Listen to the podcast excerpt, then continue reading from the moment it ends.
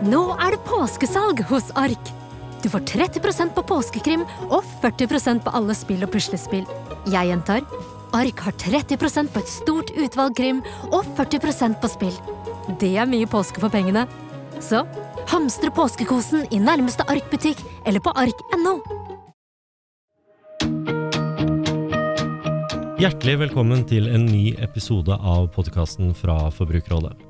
Vi skal forhåpentligvis gjøre deg litt smartere og kanskje litt rikere.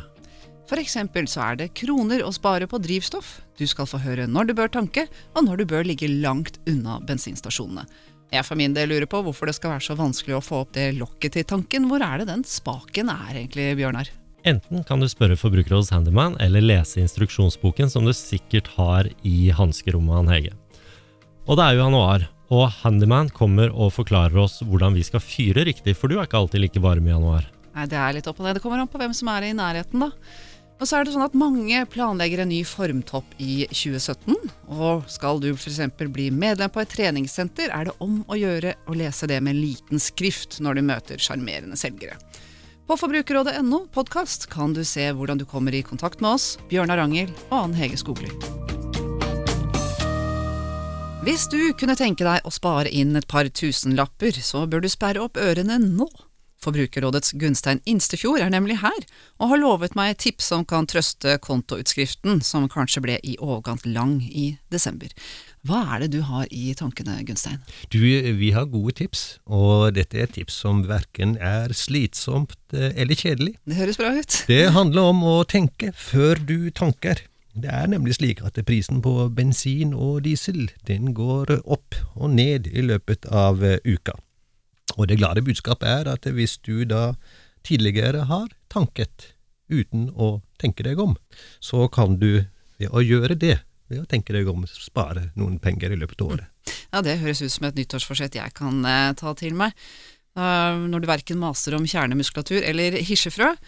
Og i og med at avgiftene på drivstoff nå har gått opp, det er det mange som merker, da er det jo lurt at vi i alle fall sparer kroner der det er mulig. Men uh, når er det jeg skal uh, tanke? Er det sånn at jeg må sirkle rundt bensinstasjonen og følge med på prisen som ruller? Nei, og det, det rare er faktisk at det slipper du.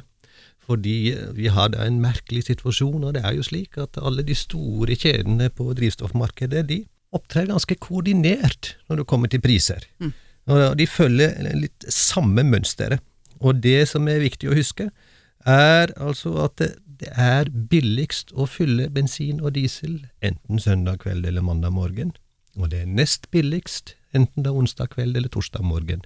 Det betyr at du bør ikke tanke torsdag ettermiddag kveld eller mandag ettermiddag kveld. Da er det dyrest, og her kan det være ganske store forskjeller, og det summerer seg opp da i løpet av året til ganske store summer. Mm.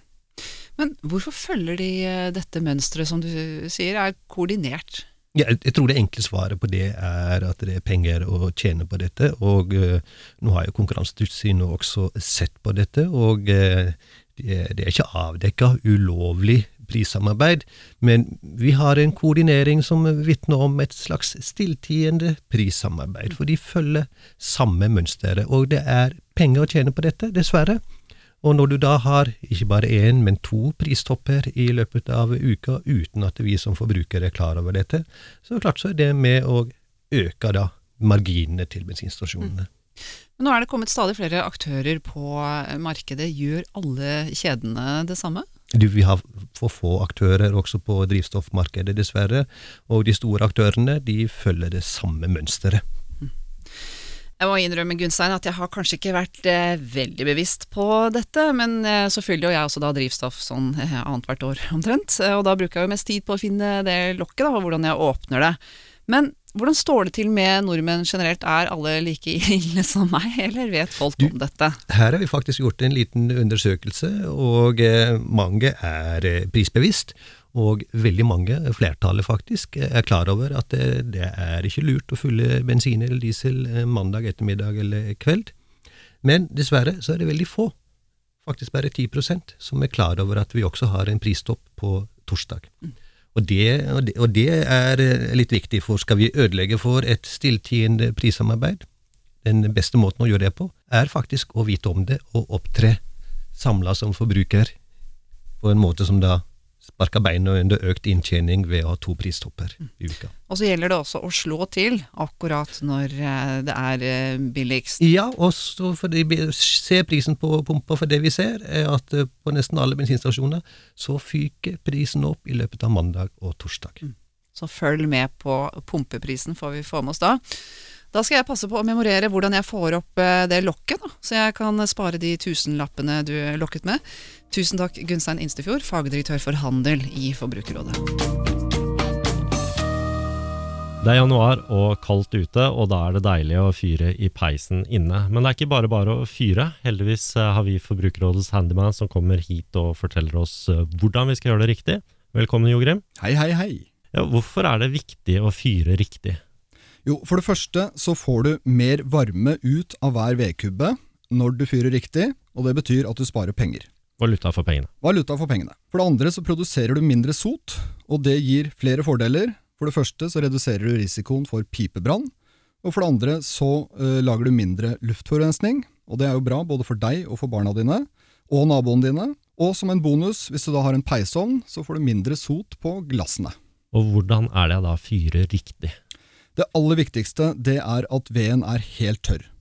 Rå ved kan inneholde rundt 50% fuktighet, og det gir i tilfelle veldig dårlig energiutnyttelse og masse sot. Så veden din, den du skal bruke, bør ikke inneholde mer enn rundt 20% fuktighet. Og det kan du faktisk lett sjekke med en fuktmåler som koster deg et par hundrelapper. Ja, ok, tørr ved altså, men uh, det må jo være noe annet òg? Og ja da, uh, det andre viktige det er at du sørger for god trekk.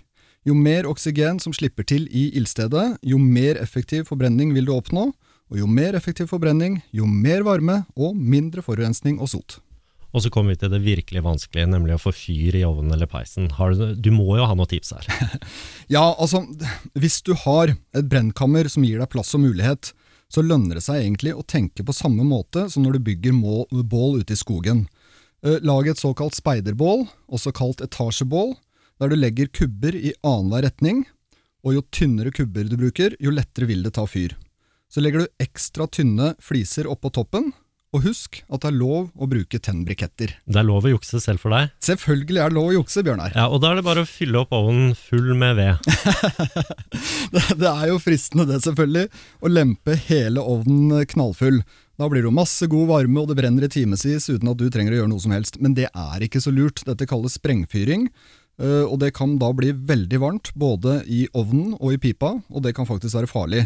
Så Derfor så er nok det beste å legge på relativt få kubber, og heller etterfylle ganske ofte. Men er det sånn at all ved er lik? Det finnes jo mange ulike treslag? Det har du helt rett i. Uh, vi kan dele treslag inn i bl.a. noe som heter brennverdi. Brennverdi det sier noe om hvor mye varme hver kubbe klarer å levere, rett og slett. Og Som en tommelfingerregel så kan vi si at jo hardere treslag, jo høyere brennverdi. For eksempel så vil treslag som eik og bøk produsere masse varme per kubbe, mens gran for eksempel, som vokser veldig raskt, vil gi relativt lav brennverdi. Men så er det noe ved som spraker og gnistrer mye. Er det en spesiell type? Ja, det er veldig greit å være klar over at nåletrær generelt de lager mye mer spraking og gnister enn løvtrær. Nå er det selvfølgelig mange som synes at det er hyggelig at det spraker på peisen, men det er greit å også huske da, at gnister og hoppende glør det kan være litt skummelt. Så derfor, hvis du har en åpen peis i hvert fall, så tenk over at gran og furu det er litt skummelt i den sammenhengen.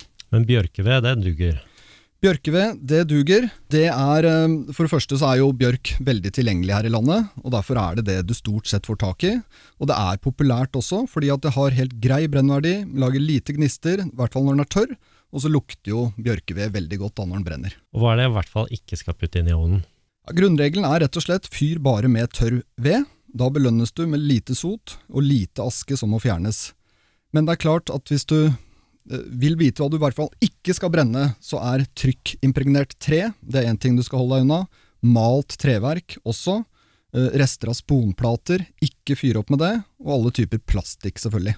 Og et siste tips før uh, denne sendinga går opp i røyk? ja, vet du hva. Hvis du lurer på om du fyrer riktig, så kan du ta på deg skoene, og så kan du gå ut og se litt på pipa.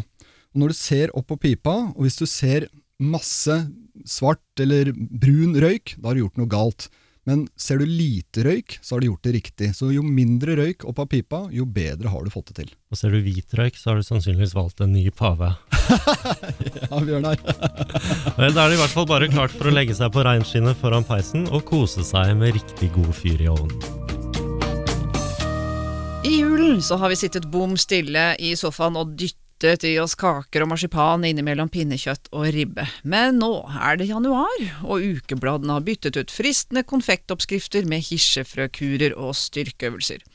Og mens nyttårsforsettene er eh, nyfødte og friske, så ser treningssentrene sitt snitt til å hive seg over oss. Da vifter du litt med pekefingeren, Martin Skaug Halsos i Forbrukerrådet.